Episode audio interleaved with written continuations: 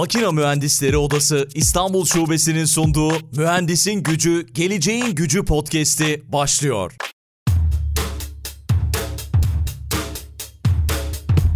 Mühendisin Gücü, Geleceğin Gücü podcast'inin yeni bölümünden herkese merhaba. Bu bölümde konuğumuz özellikle Makine Mühendisleri Odası'nın yakından da tanıdığı bir isim Alkım Erdönmez konuğumuz oluyor. Kendisi şu anda Eliar Elektronik İş Geliştirme Direktörü, aynı zamanda Entek İnsan Kaynakları firmasının sahibi ve sosyal bir mühendis olarak da kendisini adlandırıyor. Hoş geldiniz Alkım Bey. Merhaba, hoş bulduk. Çok çok teşekkür ediyorum. Mühendisin Gücü, Geleceğin Gücü podcastine konuk olduğunuz için çok değerli bir yayın olacak. Çok sağ olun. Ben de hem odamıza hem de size Aykut Bey böyle bir yayını derlediğiniz, düzenlediğiniz için teşekkür ederim. Ben de bazı bölümleri dinleme şansım oldu. Gerçekten de mühendislerin birbirlerini anlaması, dinlemesi için iyi bir platform yaratmışsınız. Tebrik ederim. Çok çok teşekkür ediyoruz. İyi içerikler oluşturmaya çalışıyoruz. Mühendislerimiz çok değerli işler yapıyorlar. Bunu işte podcast kanalıyla, YouTube kanalıyla duyurmaya çalışıyoruz. Ve onlardan biri de sizsiniz. Yakından takip ettiğimiz kişilerden birisiniz. Odayla da gerçekten büyük bir bağınız var. Geçmişten günümüze hala devam eden bir bağınız var. İsterseniz biraz sizi tanıyarak başlayalım. Bugüne kadar neler yaptınız? Biraz böyle kariyerinizden bahsederseniz sevinirim. Önce oda bağlantısından bahsedeyim. Bilmeyenler olabilir podcast'i dinleyenler. 2008-2012 seneleri arasında ben İstanbul Şubesi'nde şube sekreteri olarak görev aldım. 4 sene görev yaptım. Öncesinde Teknik Üniversitedeyken Mühendislik Fakültesi'nde öğrenci üye kısmından başlayarak çeşitli temsilciliklerde de görev alarak sonuçta yönetim kısmında çalışmaya başladım. 2008-2012 üstünden bir 10 yıl geçti ama hala odada e, aktif görevlerim oluyor. Danışma kurulunda, çeşitli komisyonlarda. Odamızdan hiçbir zaman ayrılmıyoruz. Özellikle onu ifade edeyim baştan. E, 77 Samsun doğumlu- doğumluyum. 99 senesinde İTÜ Makine Fakültesinden mezun oldum. Makine Fakültesi deyince de hep aklıma mizah kulübü geliyor. İTÜ'de ilk mizah kulübünün kurucusuyum ben. E, Oo, Teknik harika. Üniversitede Teknik Üniversitede mizah kulübü kurduğumdan dolayı bana sosyal mühendis diyorlardı. Aslında işte o sağ beyin sol beyin kısmı yani biz hem mühendisiz, analitiyiz ama bir yandan da tasarımcıyız, sanatçı ruhumuz da var. O ikisinin birleşimi bana göre kıymetli. Evet evliyim, iki çocuk sahibiyim, İstanbul'da yaşıyorum. Firmaları söylediniz zaten, o firmalarda çalışıyorum, firma sahibiyim aynı zamanda. Bugün gelinen noktada işte 45 yaşında, orta yaşına ermiş, Türkiye sanayinin son 20 yılına tanıklık etmiş bir mühendisim. Gerçekten ben bu yayınlara başladıktan sonra işte epey bir yayın yaptık. Birçok da mühendisle tanışma şansım oldu. Ne yalan söyleyeyim hem odalara karşı hem de mühendislere karşı benim bir ön yargım varmış. Bunu fark ettim. Daha farklı düşünüyordum mühendis profilini. Ama böyle işte sosyal mühendis dediniz ya. Mühendislerle tanıştıkça e, çok değişik bir dünyalarının olduğunu fark ettim. Onlardan biri de sizsiniz. Şu anda öğrenmiş oldum bu arada bu e, söylediğinizi. Çok çok ilginç. Şöyle kariyerinize baktığımda Türkiye'de birçok ilki de gerçekleştirmişsiniz. İşte satışla başlayan bir kariyer sonra eğitimler vererek devam etmiş. Sonrasında danışmanlıkla devam ediyor şimdi. Türkiye'de yer alan sanayi ve İş yerleri, serbest bölgeler, organize sanayi bölgeleri, işte küçük sanayi siteleri bunların gelişimine de tanıklık etmişsiniz. Siz başladığınızda sanayi yeni yeni gelişiyordu. Büyük oranda tekstil ve ağır sanayiye dayanıyordu. Bu süreçte belki hani kariyerinizden çok ayrıntılı bahsetmediniz ama geçmişten günümüze nasıl bir süreçten geldik? Belki biraz bununla devam edebiliriz. Tabii öncelikle bu mühendis kısmını sevgi anlaşmak değildir. Mühendis de sevilir diyorlar ya. Evet, evet doğru.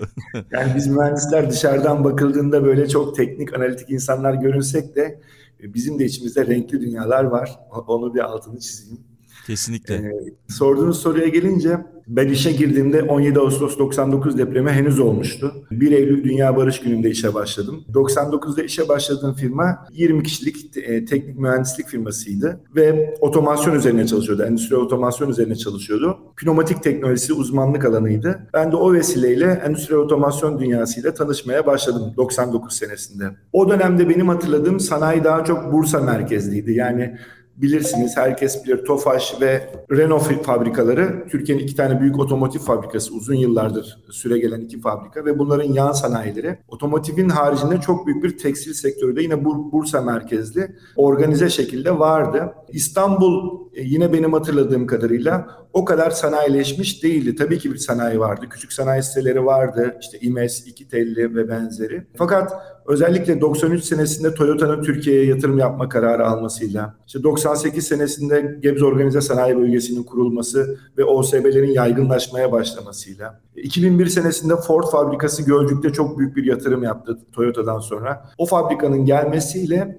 otomotiv ağırlığını koymaya başladı Türkiye'de. Otomotivin ağırlığını koyması tabii otomotiv yan sanayinin gelişmesini gerektirdi. Ve bugün işte TAYSAT diyebildiğimiz otomotiv yan sanayicilerinin bulunduğu TOSP, GOSP'un hemen yanında oluştu. O bölge birden OSB'lerin hızlıca büyüdüğü, işte dericiler, kimyacılar, makinacılar ve, ve benzeri birçok OSB'nin Dilovası'nda dahil ederek büyüdüğü ve Gebze Dilovası bölgesinin hızlıca sanayileştiği bir dönem yaşadı. Ben 2000-2010 arasında bu büyümeye tanıklık ettim. Hatta şöyle söyleyebilirim, Kitelli İmes merkezli büyük firmalar ya Hadımköy tarafına yani İstanbul'un bir köşesine veya Gebze Dilovası tarafına diğer bir köşesine doğru, perifere doğru genişlediler. O dönemde tabii ki biz mühendisler de şehir merkezindeyken e, evlerimiz Pendiklere, Kurtköylere, Hadımköylere, Beylikdüzlerine evet. doğru gitmeye başladı. Hatta Taşlı, Çorlu, Çerkezköy bölgesi çok hızlı sanayileşti. Yani Trakya tarafı da ciddi sanayileşti.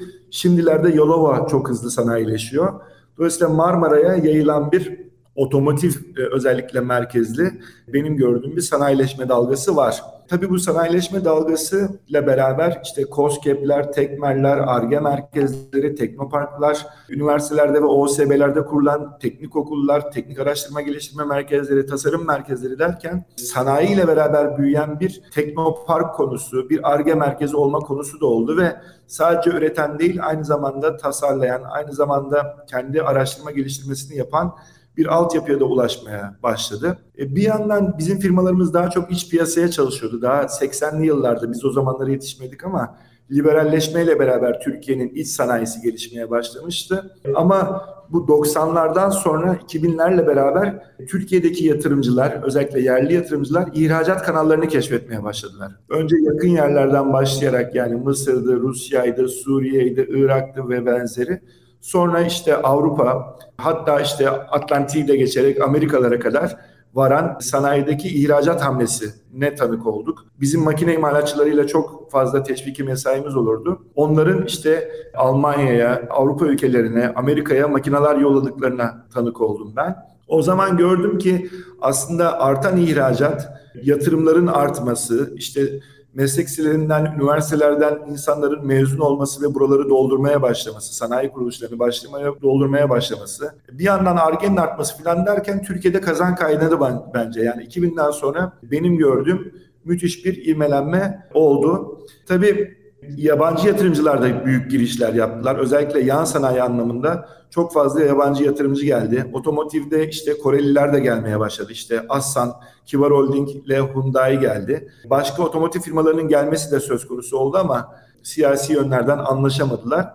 Fakat her şeye rağmen ihracat rakamlarıyla büyüyen, OSB sayıları artan, OSB'lerindeki büyük sanayi kuruluşları, teknoparkları, ARGE merkezleri artan, yavaş yavaş düşük teknolojiden orta yüksek teknolojiye doğru yönelen bir sanayi hamlesine ben tanıklık ettim diyebilirim. E, harika gerçekten. Gözümüzün önünde böyle 90'lardan bugüne kadar canlanmış oldu. Benim de canlanmış oldu gözümde. Geçen şöyle bir istatistik gördüm. Mesela teknoparklarla alakalı. E, yanılıyor da olabilirim ama işte dünya üzerinde 1000 tane teknopark varken bunun 83 tanesi ya da 89 tam olarak sayı hatırlamıyorum. Bulursam paylaşırım podcast'ın açıklama kısmında. 89 tanesi Türkiye'deymiş. Hı hı. Belki işte ARGE merkezleri, diğerlerini de ekleyebiliriz. Büyük sanayi siteleri. Yani bu konuda epey bir ilerleme kaydetmişiz diye düşünüyorum. Çok çok güzel. Umarız önümüzdeki yıllar içerisinde bu artık ülkemize de farklı şekilde, daha olumlu şekilde yansır diye düşünüyorum. Burada çok büyük bir emek var çünkü. Peki şeyden bahsedeceğim, otomasyondan bahsedeceğim biraz. Otomasyon denilince pek çok kişinin aklına geleceği şekillendiren yapay zekaya sahip robotlar geliyor.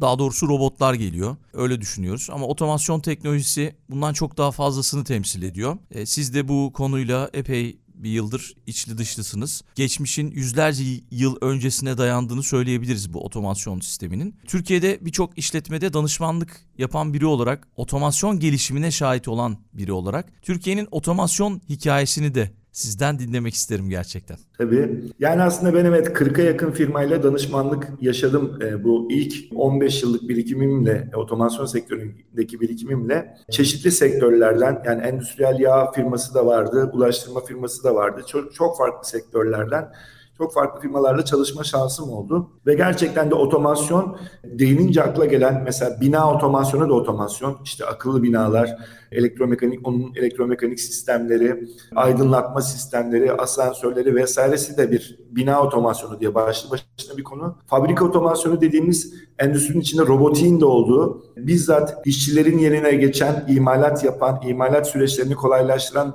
robotik otomasyon sistemler ayrı bir dal. Bina otomasyonundan farklı olarak fabrika otomasyonu. E, şimdilerde sıkça duyuluyor RPA diye işte bu Repeated Process Automation yani eğer tekrarlı işler varsa işte bu bir ERP yazılımına işte bir satın alma faturasının girilmesi de olabilir. İşte bir çağrı merkezindeki bir sürecin otomasyonu da olabilir. Yazılımla yapılan yine insanların hizmet vermek üzere veyahut da insanların bir yere giriş yapmak üzere yaptığı işler, tekrarlı işlerin otomasyonu üçüncü ayrı bir konu. Bina, fabrika, bu RPA'nın dışında bir de proses otomasyonu konusu var.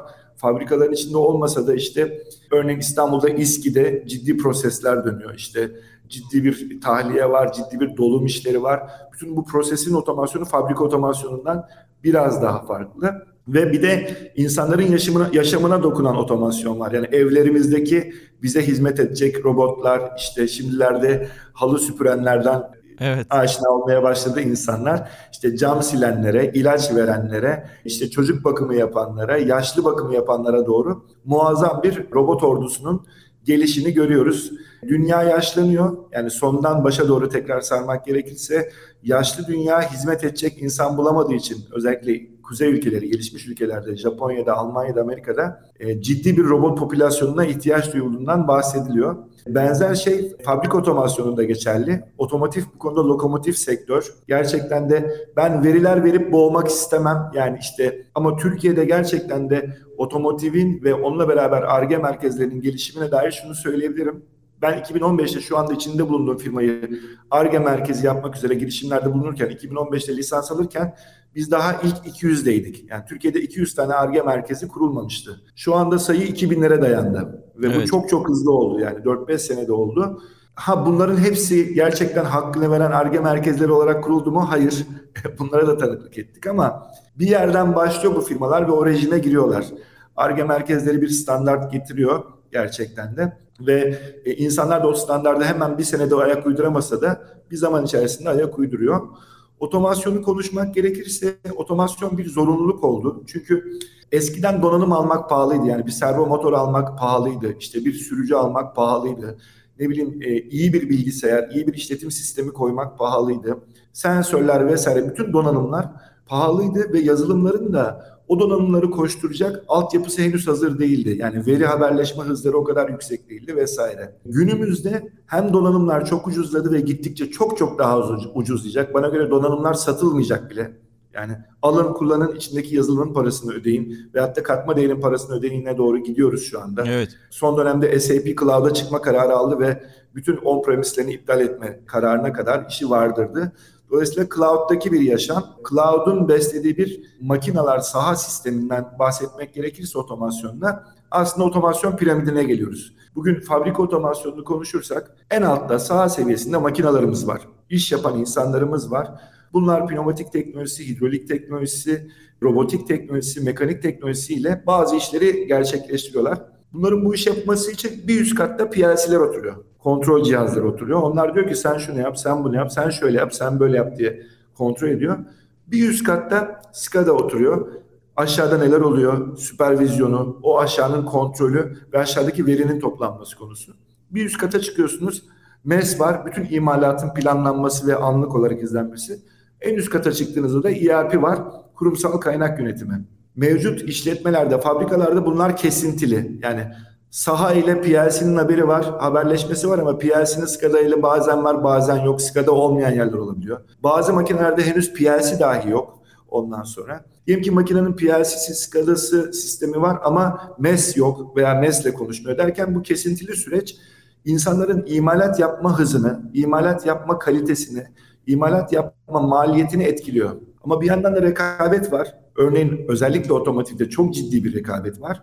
İşte çok hızlı ürün çıkıyor otomotivde. Çıkan ürün uzunca bir tedarik zincirinin sonucu olarak çıkıyor. Eğer orada otomasyon yok ise insanlara bağlıysanız rekabet etmeniz neredeyse mümkün değil. Bunu Ford, Toyota örneği çok sık anlatılır. İşte Toyota Japonya'da bir e, aslında tekstil dokuma makinesi fabrikası iken Toyota ailesinin otomotiv işi Ford'la beraber Amerika'da gelişince Amerika'ya Japon mühendisleri yolluyor. Japon mühendisler incelemelerde bulunuyor. Geri geliyor. Tamam biz anladık konuyu diyorlar. Biz daha iyisini yaparız diyorlar. Şimdi bu 2000'li yıllara geldiğimizde Toyota Ford'a maliyet anlamında kat be kat daha yüksek, çok daha düşük maliyetlerde üretim yapabilir hale geliyor. E bunu nasıl yapıyor? Sürekli iyileştirmeler Kaizen'le ve evet. bolca otomasyonla yani süreç standartlaştır, süreçleri yalınlaştır ve e, bolca otomasyonla yap ki tekrar edilebilirliğin yüksek olsun diye. Dolayısıyla otomasyon evlerimizde de, binalarımızda da, fabrikalarımızda da olmazsa olmaz haline geldi. Tabii insanlar şundan korkuyor. Peki insanlar ne olacak diye de korkuyor bir yandan. Evet. Evet tam da onu söyleyecektim. Yani insanın çok önemli olduğunu söylediniz. Tabii ki insan kaynakları, teknik insan kaynakları da çok çok önemli bu noktada. Sizin de bildiğim kadarıyla teknik insan kaynakları firmanız var. Bu konuda çok fazla çalışmalar yapıyorsunuz. Türkiye'de de böyle uzun yıllardan beri konuşulan amiyane bir tabirle işte hep konuşulur bu. Türkiye'de ara eleman yok. İşte biz e, yetiştiremiyoruz gibi. Bu bu da şuradan ortaya çıkar. İşte eve bir tesisatçı çağırırsınız. işi yapamaz, beceremez. İşte eline her e, cihaz alan tesisatçı olmuştur veya o işi yapmaya çalışır. Şimdi Almanya ile karşılaştırmak istemiyorum. Evet. Çok yerden yere vurmak istemiyorum ama e, siz daha iyi anlatacaksınız öyle düşünüyorum. Türkiye'de teknik personel istihdamıyla ilgili yaşanan en temel problemler neler? Benim gözlemlediklerim bunlardı ama siz daha iyi işin içinde olan biri olarak belki anlatabilirsiniz bize. Ya bir kere tabii e, yani teknik insan özellikle endüstri için konuşuyorsak aslında yeni bir konu. Yani e, sanayi devrimi çok uzak bir tarih değil. Yani tamam üstünden bir yüz küsür yıl geçmiş ama yani bugün Endüstri 4.0 konuşuyoruz. İşte Endüstri 1.0 buharın bulunması ile e, oldu deniyor. Yani insanlık tarlayı, tapçayı, bağı bahçeyi bırakıp da fabrikanın içine girmesinden bugüne geldiğimiz e, zaman aralığı bana göre uzun bir zaman değil. Ondan önceki bir 2000 yıl insanlar farklı yaşadılar milattan sonrayı konuşuyorsak. O yüzden en temelde bakarsak bir kere insanlığın buna hazırlanması gibi bir derdimiz var. Mesela Türkiye'deki örneği 93'te Toyota'nın kurulduğundan bahsetmiştim ben. Yani insanlar patates tarlalarındaki işlerini bırakıp fabrikaların içine girdiler. Yani evet. Adapazarı'nda insanlar fab- otomotiv fabrikasında çalışmak üzere eğitim görmüyorlardı. Ama ne zaman ki o fabrikaların içine girdiler, sarı şeritlerden yürümeyi öğrendiler. Ne bileyim işte toplantıları süreli yapmayı öğrendiler. Birçok disiplini öğrendiler ve sanayi hayatımıza girdi. Ama bakıyorsunuz şunun şurasında 30 yıl.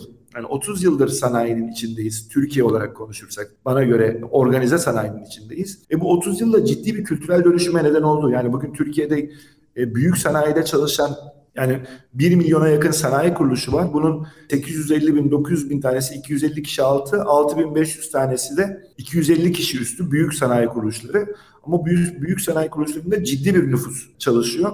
Ve bu, bu büyük ciddi nüfus yani iş sağlığı iş güvenliğinden, işçi sağlığı iş güvenliğinden tutun da işte bir sistematik iş yapma, sistematik düşünme, işte 6 sigma, 5S, neden analizi filan gibi konuları operatör, işçi, teknik ara eleman, mühendis sıfatıyla bizzat yaşamak zorunda kaldı. Ee, Doğru. O yüzden 30 yıldır hayatımızda var. Yani hemen şikayetçi olmamak lazım bana göre. Tabii sizin bulunduğunuz Almanya veyahut da işte ne bileyim Hollanda, kuzey ülkelerini konuşursak Oradaki sanayileşme İngiltere, Amerika'yı konuşursak biraz daha gerilere dayanıyor. E, oraların zanaati terk edip sanayiye gelmesiyle bizimki benzer süreler değil. Şimdi biz e, Entek İnsan Kaynakları firmasını kurarken e, başımıza şöyle bir hikaye geldi. Hiç böyle firma kurmak aklımızda yoktu. Beraber çalıştığımız bir otomotiv firması dedi ki ya biz e, sizden sürekli eğitim alıyoruz. Aklımıza şöyle bir fikir geldi. Ne dersiniz dedi. Buyurun ya işte siz teknik insanları eğitiyorsunuz. İşte 3 gün, 5 gün eğitimler veriyorsunuz. Orada hangisi iyidir, hangisi kötüdür seçme şansınız daha iyi olur, oluyordur. Bizim için teknik insan seçer misiniz dediler. Ya dedik ki biz hiç öyle yapmadık yani hep bize birileri insan yolluyordu biz de eğitiyorduk. Tamam bu sefer öyle olsun dediler. Biz 10 tane adayımız var yollayalım size. Siz pneumatik eğitim verin, hidrolik eğitim verin, PLC eğitim verin. Eğitimlerde de bakın oturma kalkmasına bakın, düşünme hızına bakın, adaptasyon yeteneklerine bakın. Eli sonun levide tutar mı ona bakın filan diye bize böyle bir test standardı verdiler. Bizim eğitmenlerimiz de ona göre test ederek eğitim verirken test ederek bu insanları bir sınavdan geçirdi. E, üçüncü günün, beşinci günün sonunda gerçekten de o 10 kişiden en işte aranan kişiyi bulma şansınız oldu. Çünkü eğitim en iyi elek insan Evet. seçerken gerçekten de. Süper. Ya biz de aa dedik gerçekten de iyiymiş ya. Hani yani bu iyi bir yöntemmiş. Müşteriden öğrendik biz de. Sonra baktık bu bir ihtiyaç. E, Bunu bir özel istihdam bürosu olarak işkura bağlı olmak, kur- kurmak gerekiyormuş. Kurduk. Sonra gördük ki ya bu biz ağacın meyvesiyle uğraşıyoruz ama ağaç kökleri toprakta iyi değilse ağacın meyvesi sonraki konu. Meslek liselerinin içine girmeye başladık. Üniversitelere girmeye başladık. Bir gördük ki meslek liseleri eski meslek liseleri değil. Yani eskiden meslek lisesi itibarlı bir lise. Gerçekten de meslek kazandı. Girdiğin zaman 4 yıl, 5 yıl okuduğunda gerçekten bunun 3-4 yılı çok ciddi teknik eğitimler aldın. Laboratuvarlarda gerçekten de işin aslını öğrendiğin, elini makineye, tornaya, tesviyeye değdirdiğin yerler imiş. Ama ben bu işlere başladığımda 2000'lerde böyle değildi bu yerler. Yani çocuklar tabii ki var uygulama laboratuvarları falan ama 4 yıllarının 2 yılı hiç teknik işlere dokunmadan geçiyor. Evet. Dokunmaya başlıyorlar. Kısıtlı laboratuvar imkanları. Ama o laboratuvar imkanları da 20-30 yılın öncesinin teknolojisini. Yani biz bugün fabrika otomasyonundan, esnek imalat sistemlerinden, dijitalleşmeden bahsediyoruz. Orada işte e, punta kaynağı, ne bileyim işte tesviye, tornayla yani bunlar da ihtiyaç tabii ama büyük sanayide başkaca beceri ihtiyaçları, teknoloji ihtiyaçları var. Onun uyumlu olmadığını gördük ve ben yüzün üzerinde laboratuvarın Türkiye'de modernize edilmesinde bulundum bizzat. Ve yani Erzurum'un, er, şöyle söyleyeyim size, Erzurum'daki meslek sitesinde bir laboratuvar kurduk. Erzurum'un sanayisinde o makineler yok. Dolayısıyla öğrenciler sanayiden daha da ileride e, yetişmeye başladılar. Tabii buradaki Avrupa'daki sanayi bölgelerinin içindeki okullar örneklerini dikkate aldık. Ben Almanya modelini, İspanya modelini yani sanayiyle beraber gelişen meslek liseleri, meslek uygulama okulları projelerini Türkiye'ye getirdik. Burada bakanlığa kabul ettirdik. Bakanlık bunları teşvik etti ve bugün neredeyse büyük OSB'lerin her birinin içinde bir meslek lisesi var artık. Ve bu meslek liseleri İngilizce eğitim veriyorlar, ücretsiz eğitim veriyorlar özel okul statülerinde olmalarına rağmen ve teknik eğitimi cazip hale getirdiler yeniden. Şimdi bu son 5 seneye kadar, son 10 seneye kadar böyle bir şey yoktu. Meslek lisesine garip bu revanın çocuğu giderdi. E, oradan da çıkıp küçük sanayide düşük maaşla iş sahibi olurdu. Ama şimdi e, bir teknik ele, ara eleman, e, bir otomasyon bakım mühendisi, bir elektrik bakım mühendisi olmanıza gerek yok. Bakım teknikeri teknisyeniyseniz bile mühendisten yüksek ücret alıyorsunuz. Çok Dolayısıyla çok önemli Bak- gerçekten. Evet.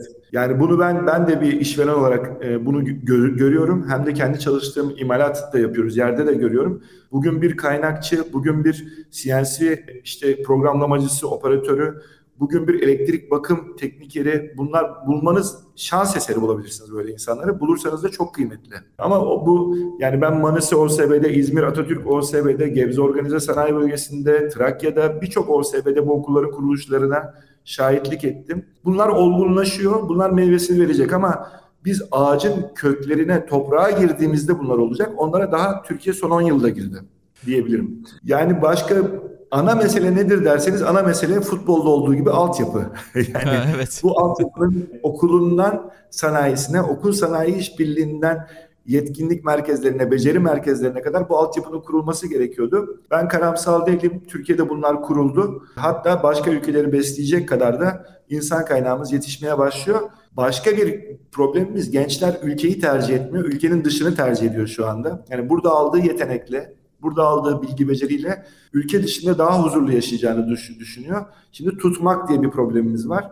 O da işin başka bir ayağı. E, otomasyondan bahsettik. E, maalesef bu otomasyon dediğimiz şey, yani ben Beko'yu hiç unutmam. 2003 senesiydi, 2004 senesiydi. 3000'den fazla insan çalışıyordu Avcılar'da Beko fabrikasında. Orada bir yalın üretim ofisi kuruldu. 13-14 kişilik bir ekip. E, ve bütün süreçlerin yalınlaştırılması ve otomasyonlaştırılması ile bir çalışma yaptılar ve proje bittiğinde 300 kişi kalmıştı fabrikada. Yani 3000 kişiden İnanılmaz. 300 kişiye kadar indiler. Hem de daha yüksek kapasite kullanımıyla, daha yüksek imalatlarla bu noktaya geldiler. İnsan tabii çok kıymetli. Hepimiz insanız. Ama insan daha çok hizmete doğru kayıyor. Daha çok yazılımlara doğru kayıyor. Yani yazılımın otomasyonu da artık söz konusu biliyorsunuz. Karar destek mekanizmalarında insanın önemi hala çok yüksek. Strateji kurmada insanın önemi hala çok yüksek ama bir yandan da biliyoruz ki Kore'de kurulmuş bir şirket yönetim kurulunda yapay zeka çalıştırıyor. Yani yönetim kurulu 13-14 kişi toplanıyor, bir karar alıyor. Yapay zekaya kararı simüle ettiriyorlar. Simülasyon sonucu olumsuz çıkarsa karardan geri dönüyorlar. Evet Bu artık bir finansal karar olabilir. ya hemen hemen her sektörde yapay zeka kullanılıyor. Geçenlerde şöyle bir şeye denk geldim. Yani Netflix bile yapay zeka kullanıyormuş seslendirmelerde. Birine seslendirmeyi yaptırıyor. Yapay zeka ona onay verirse e, o zaman onu yayınlıyor gibi bir şey. Böyle enteresan gelmişti. Yani bu arada aslında insanı es geçmemek lazım. İnsan işte 100 bin nöron var beyninde. 100 milyar nöron var pardon. Yani 100 milyar nöronlu ve 100 milyar nöron, içinde de trilyonlarca bağlantı var ve bu e, 350-400 bin yıldır var. Yani 400 bin yıldır öğrenen 100 bin nöron kapasiteli trilyon bağlantılı bir makineden bir nevi makine mühendisi olarak öyle söyleyeyim bahsediyoruz. 450 bin yıldır öğrendiğimiz şeyi rakam olarak çat diye söyleyemezsek de karnımız bize bir şeyler söylüyor. Yani bir şeyin olup olmayacağını hissedebiliyoruz. Doğru. Bu hissetme yeteneğimizin arkasında bir zeka çalışıyor aslında. Yapay zeka gibi bunu tablolara dökemiyor. Ee, ne bileyim algoritmalardan geçiriyor ama o algoritmaların adını soyadını bilmiyoruz, formülünü bilmiyoruz ama bana göre insan hala en gelişmiş makine ve en uzun süredir öğrenen makine. Yani 450 bin yıldır öğrenen bir makine var karşımızda ve daha gerisi de var. Tek hücreliden başlarsak tek hücreli olduğumuz günden bu yana öğreniyoruz. E, bilgisayarlar daha yeni öğrenmeye başladı. Yolları var yani. Doğru. o yüzden doğru. hala hislerimiz dediğimiz işte ne bileyim karnımızdan gelen dediğimiz e, şeyler aslında çok güçlü hala. Bir, bir ekleme yapmak istiyorum. Sizin bu hani işte kaynağına inmemiz lazım, köklerine inmemiz lazım dediniz ya teknik insan kaynakları konusunda. Almanya tarafıyla bir karşılaştırma yapayım. Burada özellikle eğitime başlar başlamaz insanlar yani daha doğrusu öğrenciler gözlemleniyor. Daha liseye başlamadan önce onun hangi yetenekleri var, nereye yönlendirmeliyiz? Çok güzel yönlendiriyorlar. Öyle bir gözlemim var. Ve illa üniversite okusun diye diretmiyorlar. Onun yeteneği neyse onu yapmasına teşvik ediyorlar. Eğer matematikte başarısızsa matematikle ilgili bir bölüm seçmesine gerek olmadığını söylüyorlar. Bunu gözlemledim. Ama tabii istersen gidebiliyorsun matematikle ilgili bir bölüme. Ama başarısız oluyorsun. Tamam sorun değil. O zaman başka bir yere gitme şansın oluyor. Kendini nerede buluyorsan yani yeteneğin neredeyse orada yetiştirme şansını yakalıyorsun. Belki bizdeki problemlerden biri de bu diye düşünüyorum. Çok fazla yeteneğimiz ben- var aslında. Ben buna problem demiyorum. Hayatın doğal akışı şundan. Şimdi bakın ben 45 yaşındayım. Benim annem babam mühendis olmamı istiyordu veya doktor olmamı istiyordu. Benim babam da işte fizik konusunda bir profesör doktor ama onun babası köyde rençber tamam mı? Şimdi Evet. benim iki kuşak öncem köyde rençber tamam mı? Onun hayattaki refleksi şu. Topraktan kurtulalım, memur olalım, şehirdeki yaşama tutunabilelim, bunun için eğitim alalım deyip bütün yığınağı babama yapmış. Babam dönüp bana benzer yığınağı yaparken etrafına bakıyor. Benim babamın işte 40'lı yaşları 1990'lar. E 1990'da Türkiye'de sanayi yok. Daha her şey o kadar gelişmemiş ama işte dünyaya bakıyor, dünyadaki örneklere bakıyor filan. Gördüğü yerden beni çok fazla dayatmasa da en azından hani mühendislik bir meslektir, karşılığı vardır deyip buralara yönlendirmeye çalışıyor. E bugün 2020 yılına geldiğimiz zaman ben de 45 yaşında iki çocuk babası olarak diyorum ki ya tamam şey güzeldi hani toprak iyiydi, sanayi güzeldi de şimdi bilgi toplumu oluştuk ve bunun gerekleri farklı. Acaba çocuklarım yazılımcı mı olsa işte madem işte genetik bilimi ilerliyor, madem işte biyomoleküler dünya ilerliyor, acaba buralara mı baksak? Kimya mühendisliği artık daha mı önemli oldu acaba? E, yoksa uzayda işte Mars'taki hayata dair teknolojilerle mi ilgilenmek lazım? Şimdi herkes kendi yaşadığı dönemi değerlendirip, değerlendirip süzüp haliyle oradan bir yere varıyor.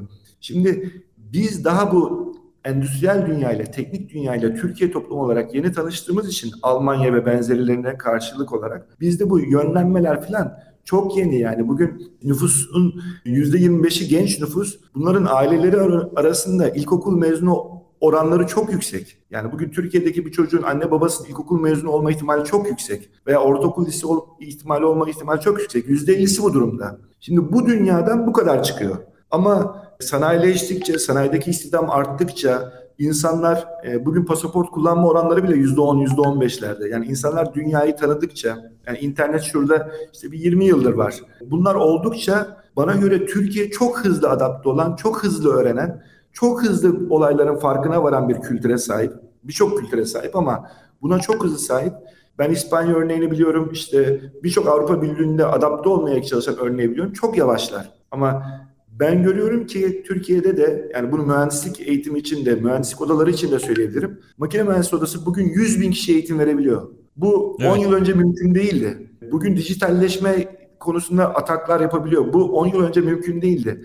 neden kültür dönüştü? Neden bakış açısı değişti? Ben de bizim basiretli yöneticilerle, basiretli insanlarla çok hızlı Türkiye'nin de bu kuzey ülkeleri standartlarına erişeceğini düşünüyorum altyapı tarafında. O zaman da öğrenciler seçimler yapılacaklar, yönelecekler. İlkokuldayken, ortaokuldayken yönelecekler.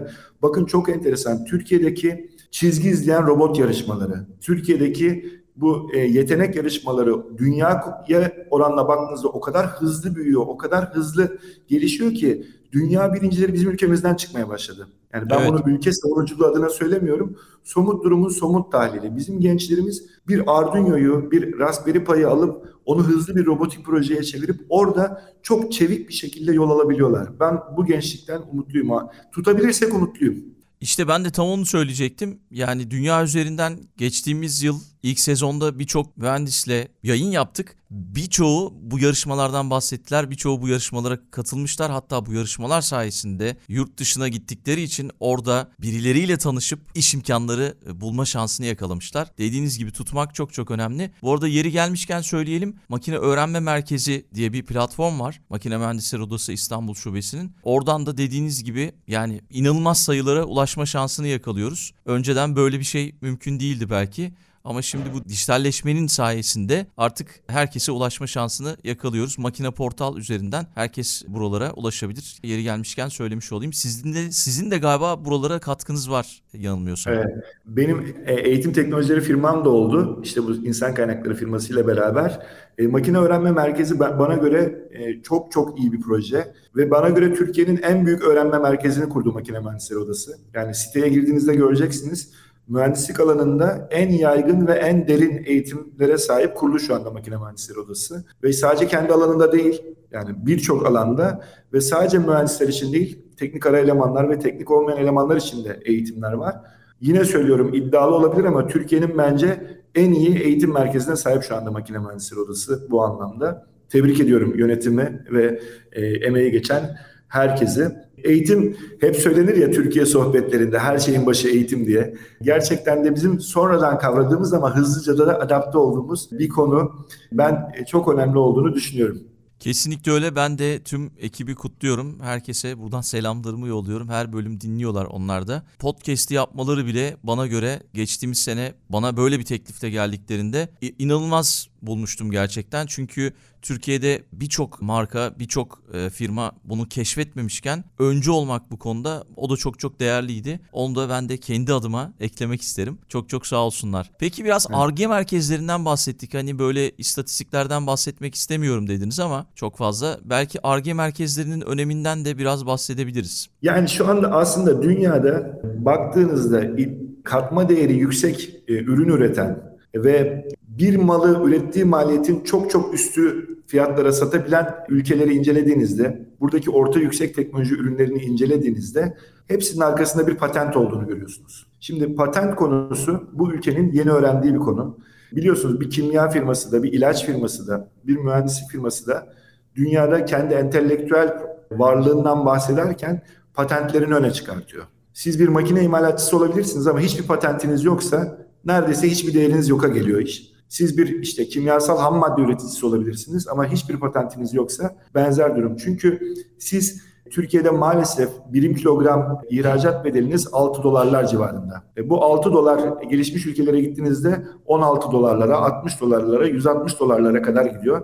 Hatta cep telefonu iyi bir örnektir işte. Cebinizdeki 250-300 gramlık telefon 1000 dolara satılıyor. Demek ki kilosu 2000-3000 dolarlara geliyor. Yani e, Doğru. o iki bir telefonu 2000-3000 dolara satan şey mühendislik değil. Onun ham maddesinin diğerlerinden çok daha iyi olması da değil. Onun içindeki yazılımın aman aman üstün olması da değil. Tabii ki bunların hepsi var. Pazarlama da var vesaire ama arkasındaki patentler bugün baktığınızda bu telefonları üreten Korelisi de, Japonu da, Çinlisi de, Amerikalısı da birbiriyle patentler konusunda yarışıyorlar. Şimdi ARGE merkezleri neden önemli? Patent üretmek için önemli. Aslında nihai ürün patent.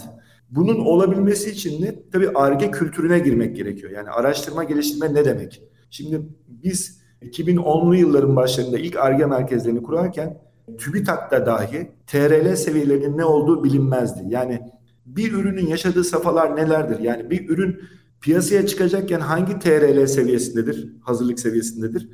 Daha matematik, fizik, kimya gibi temel bilimler aşamasında araştırma gerektirirken hangi seviyededir? Siz bugün fizikte bir maddenin X ışınlarıyla ilgili çalışmasını yapar. O maddenin filanca özelliğini keşfeder. Buradan bir kimyasal formülle bunun elektrik, elektronik etkileşimiyle ilgili bir teknik makale yayınlarsınız. Bu makale daha TRL 1 seviyesindedir. Yani siz temel bilimleri kullanarak aslında o ana kadar hiç kullanılmamış bir iletken yapısına ulaşmış olabilirsiniz. Ha bunu bir ürüne dönüştürmek, o ürünün bir piyasada karşılık bulmasını sağlamak, o piyasada katma değerli ürün olarak teknolojiye dönüşmesini sağlamak TRL 1'den TRL 9'a kadar merhaleler gerektirir ve ARGE dediğiniz şey ne kadar dipte yapılıyorsa yani denizde ne kadar dibe daldıysanız o kadar da kıymetlidir. Şimdi Türkiye'deki ARGE maalesef e, tersine mühendislik seviyesinde şu anda. Yani iyi yapılmış bir örneği bul, onu geriye sök, anla bileşenlerini, sen de aynısını yap, yurt dışından alma, içeride yapmış ol. Bu şimdi TRL 8-9 seviyelerinde, 7-8-9 seviyelerinde anlamsız mı? Çin gibi mi yani? mı? Çin gibi mi yapıyoruz? evet. Ama bakın Çin gibi deyip aşağılamayalım. Neden yok yok aşağılamadım. Evet. Öyle öğreniliyor iş. Evet, yani evet. önce elinize alacaksınız, bir Evet. sökeceksiniz, anlayacaksınız içinde neler varmış. Sonra ama o ilk gördüğünüzü işin özü zannetmeyeceksiniz. Ha adam motor koymuş, biz de koyarız. İşte ne ha buldum ya kayış kasnakla çözmüş burayı. İşte buraya dişliği öyle koymamış, böyle e, yazılımda bunu yapmış. Bunlar tamam ip, ipin uçları. Ama o ipin ucundan tutup da dalmaya başlarsanız göreceksiniz ki en aşağıda matematik var, fizik var, kimya var, kristalografi var. Bütün buralara kadar gitmeniz, derinleşmeniz gerekiyor. Bunun için de üniversitelerinizin makale üretmesi gerekiyor. Uluslararası yayınlara üye olmanız gerekiyor.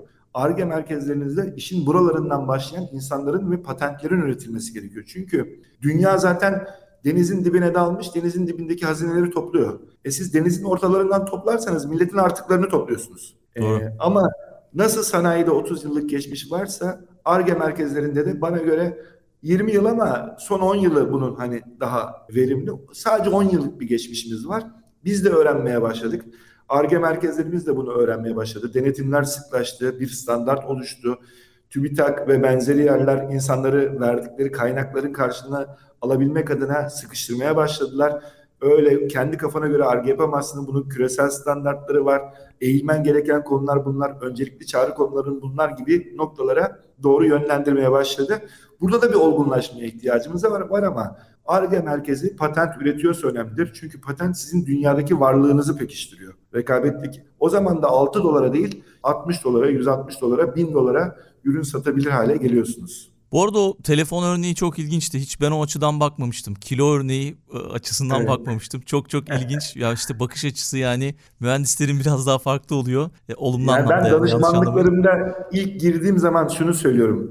Bana anlatıyorlar firmamız şöyle bir firma, bu böyle bir firma, şu falan filan. Abi diyorum, ne üretiyorsunuz? Makine üretiyorsunuz. Bu yıl kaç ton makine ürettiniz diyorum. Kaç adet değil tamam mı? Ya hiç hesaplamadık diyorlar. Öyle Başlıyorlar duruyorlar herhalde. hesaplamaya. diyorlar ki 100 ton üretmişiz. Ne kadar ciro yaptınız? İşte 100 bin lira. 100 bin dolar. 100 bin bölü 100 diyorum ki 1000 dolar kilosu. E, Ya da tabii 100 tonsa 1 dolar kilosu.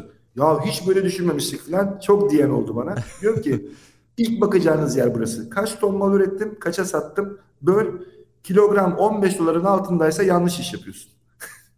Doğru. evet. Peki son olarak e, yavaş yavaş sona geldik. Çok da güzel gidiyor sohbet. Belki dönüşümü zorunlu kılan dünyadaki temel eğilimlerden bahsedebiliriz. Bu da çok çok önemli diye düşünüyorum. Bu konuda neler söylersiniz? Ya tabii dünyamız mavi nokta. O e, bütün evrende bulabildiğimiz tek yaşanılabilir yer. Dünyamız yaşlanıyor ve tükeniyor. Buna hepimiz tanığız. Küresel ısınmayla, kaynakların azalmasıyla, insan nüfusunun artmasıyla dolayısıyla bir sürdürülebilirlik ve eko denge meselesi gündemimize ister istemez oturdu. Yani bunu dünya iktidarları inkar etti. İşte yok canım ne küresel ısınması diyenler de oldu ama arka planda bu geliyor ve e, sanayinin birinci önceliği şu anda yani endüstrinin birinci önceliği sürdürülebilir olmak ve eko dengeyi bozmamak haline geldi. Birinci öncelik rekabetti. Hala da o. E, aslında sürdürülebilirliğin arkasındaki gizli güç de yine rekabet. Çünkü bugün varsın 5 yıl sonra olup olmayacağın belli değil. Mesela bir tekstil fabrikasısın. Çok ciddi su tüketiyorsun. Bir regülasyon geliyor bulunduğu ülkede. Diyor ki su tüketimini bununla sınırladım. Şimdi sen bu regülasyona uymak için o su tüketimini azaltmak zorundasın. Yoksa ülkeyi terk etmek zorundasın. Evet. Şimdi tekstilin yaşadığı şey bu. Tekstil Almanya'nın Nordrhein-Westfalia eyaletindeydi. İşte Duisburg'larda, Krefeld işte Aachen'larda oralar eskiden maden ocakları ondan sonra tekstil için ciddi e, su kaynakları oldular. Ama sonra Almanya dedi ki abi sen benim ülkemi yiyemezsin, bitiremezsin. Hadi bakalım kış kış başka yerlere dedi. Bize doğru geldi. Bizden Hindistan'a doğru gitti. Oradan Bangladeş'e, Çinlere doğru gitti. Şimdi Afrika'nın e, işte kazma değmemiş yerlerine doğru gidiyor. Regülasyon geldikçe sen mecbur kalıyorsun bütün imalatını enerjiyi daha az tüketecek, daha az karbon ayak izi oluşturacak, daha az kaynakları tüketecek hale getirmeye yoksa fabrikan kapanacak. Yoksa yani bugün insanlar bile bir tekstil ürünü satın alırken ya bu siyah ürün işte çok boya harcar. Onu almayalım da beyazı alalım böylece dünyaya katkısı olsun demeye başladılar. Başladı Buna evet. Büyük, büyük markalar bunu fark etmeye başladı. Bu dediğimiz tabii 3. dünyada olan bir şey değil. Yine kuzey ülkelerinde böyle ama kuzey ülkelerinde ne oluyorsa bu geriye doğru geliyor. Aşağıya doğru geliyor. Gıdada da böyle. Gıdada da böyle bravo. Dolayısıyla işte sürdürülebilir gıda, sürdürülebilir tekstil gibi böyle bu alanlar açılmaya başladı. Bana göre değiş dönüşümü zorlu kılan şey dünyanın bize dayanamayacak olması.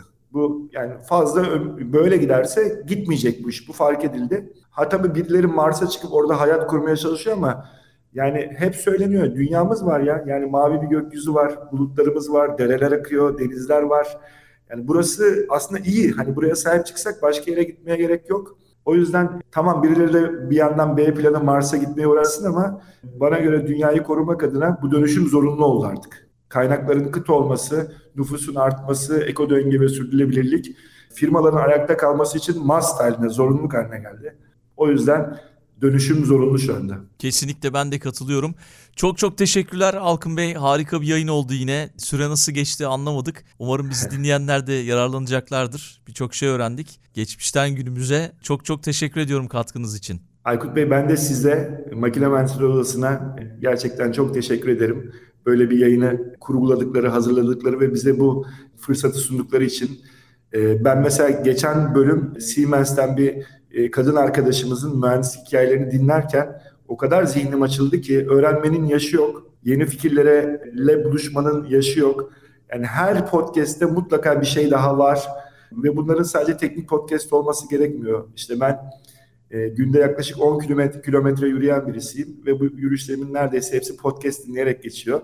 E, sizi de dinliyorum artık. E, sizin podcastlerinizi de dinliyorum. E, ve çok çok fazla şey öğreniyorum. Çok çok fazla gezintiye çıkıyorum buralarda. O yüzden bizi dinleyen kısıtlı kitle de olsa isterim ki podcast dünyasını yaygınlaştırsınlar. Buralarda daha etkin olsunlar. E, ve odamız da bu çabasını daha genişleterek büyütsün. Peki dediğiniz gibi biz de çok teknik gidemiyoruz ama yeri gelmişken söyleyeyim Özgür Arslan Makine Mühendisleri Odası İstanbul uygulamalı eğitim merkezi sorumlusu. Onun da böyle özellikle dijital ortamda online'da eğitimleri oluyor, teknik eğitimleri oluyor. Onu da yeri gelmişken söylemiş olayım. Ona da teşekkürlerimi göndereyim. O zaman son söz sizde. Mühendisin gücü, geleceğin gücü.